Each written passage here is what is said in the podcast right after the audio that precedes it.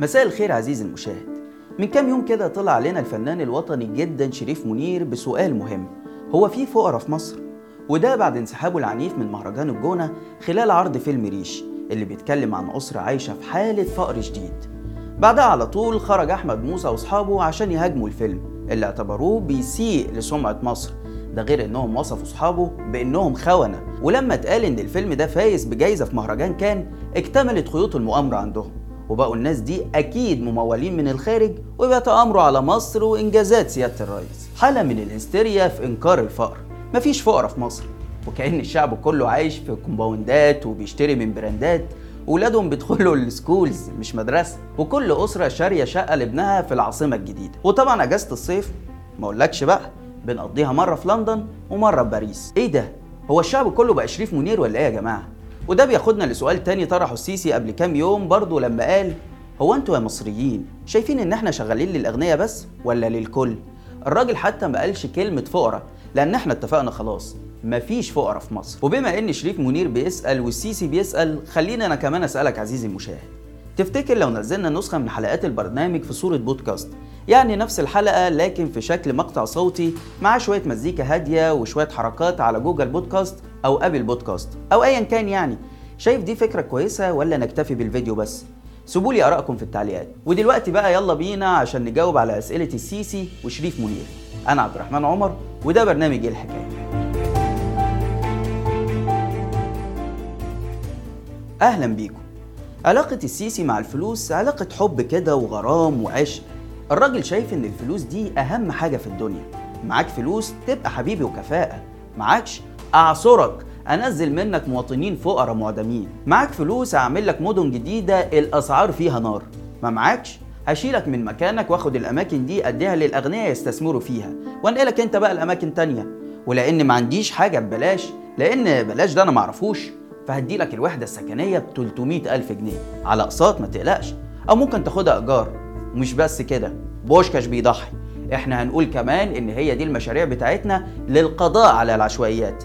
فكرة حلوة مفيش كلام. معاك فلوس وتقدر تدفع هعمل لك قطورات كهربائية حديثة توصلك من العاصمة الجديدة للعالمين الجديدة.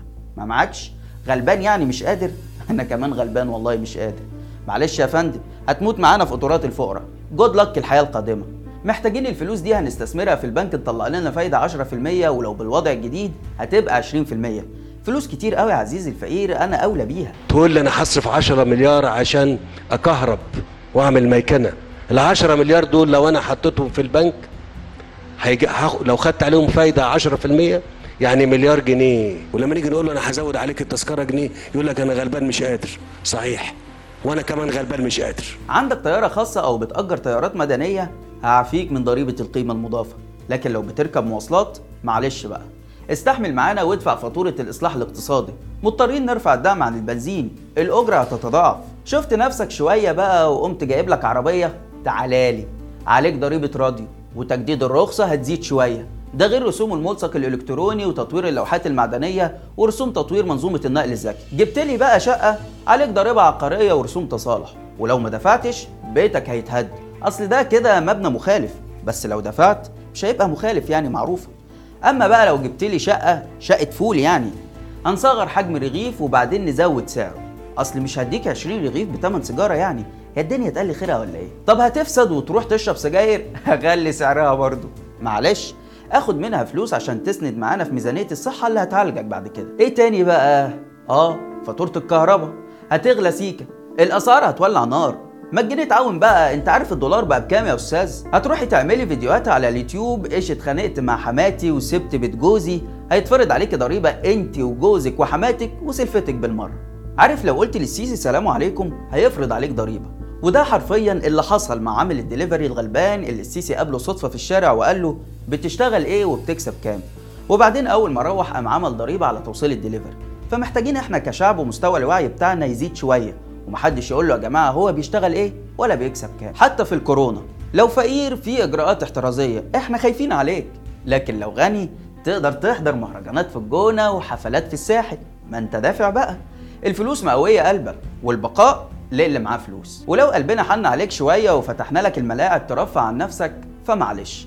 تذاكر الدرجة الثالثه اللي كانت ب 10 و15 جنيه هنعملها ب 150 عزيزي المواطن الفقير لو معكش تقدر تتفرج على التلفزيون مش عايزين قلق هنا بقى. الخدمات الأساسية اللي الدول بتقدمها مجانا وبأعلى جودة لكل مواطنيها زي الصحة والتعليم فيها تمييز.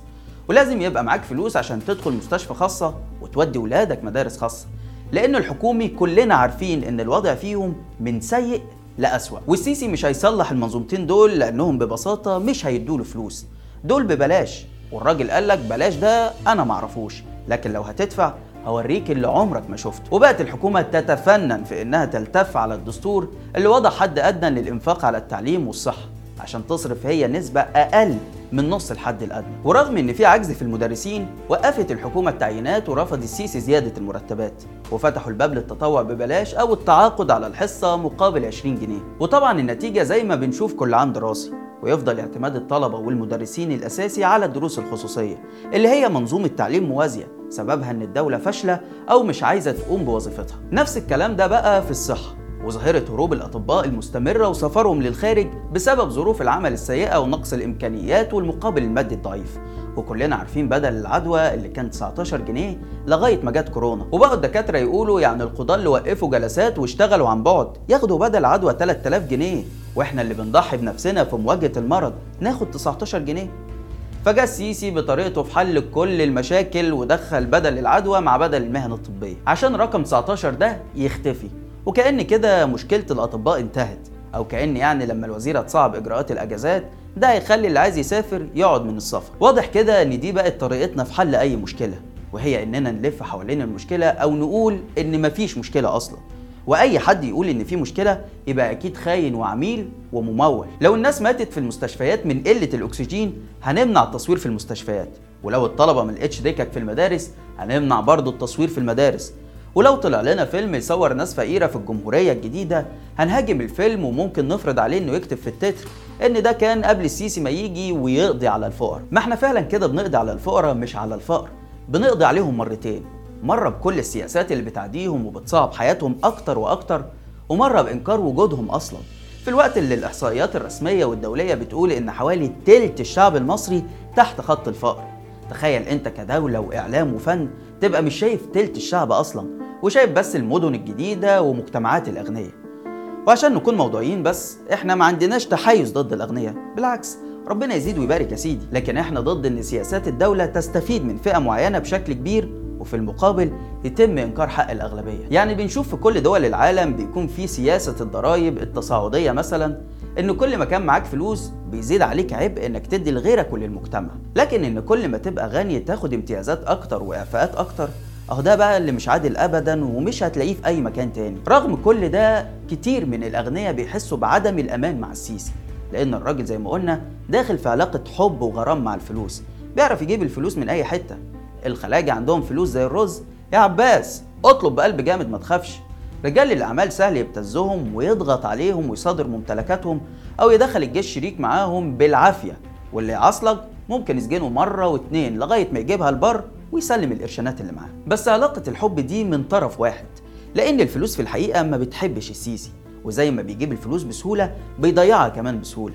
في مشاريع ضخمة بتتعمل من غير دراسات جدوى وبتخدم عدد قليل جدا من المواطنين أو قصور رئاسية بتحرق فلوس ياما أو مسلسلات بقى وأفلام تمجد فيه وبرضه بتصرف مليارات وتكون النتيجة رقم قياسي غير مسبوق في الديون عشان تستمر العجلة يستلف فلوس ويفرض ضرائب على المواطن الغلبان ويرفع الدعم ويغلي الأسعار ويصادر فلوس رجال الأعمال. جمعية ودايرة بقى هدفها تجميع الفلوس في جيب السيسي عشان اللي ملوش خير في السيسي ملوش خير في مصر. لحد هنا حلقتنا خلصت.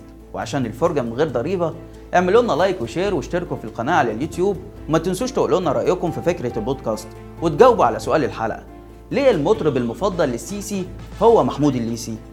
استنونا بقى كل يوم جمعة الساعة 9 بالليل بتوقيت القاهرة في حلقة جديدة من برنامج إيه الحكاية؟ سلام.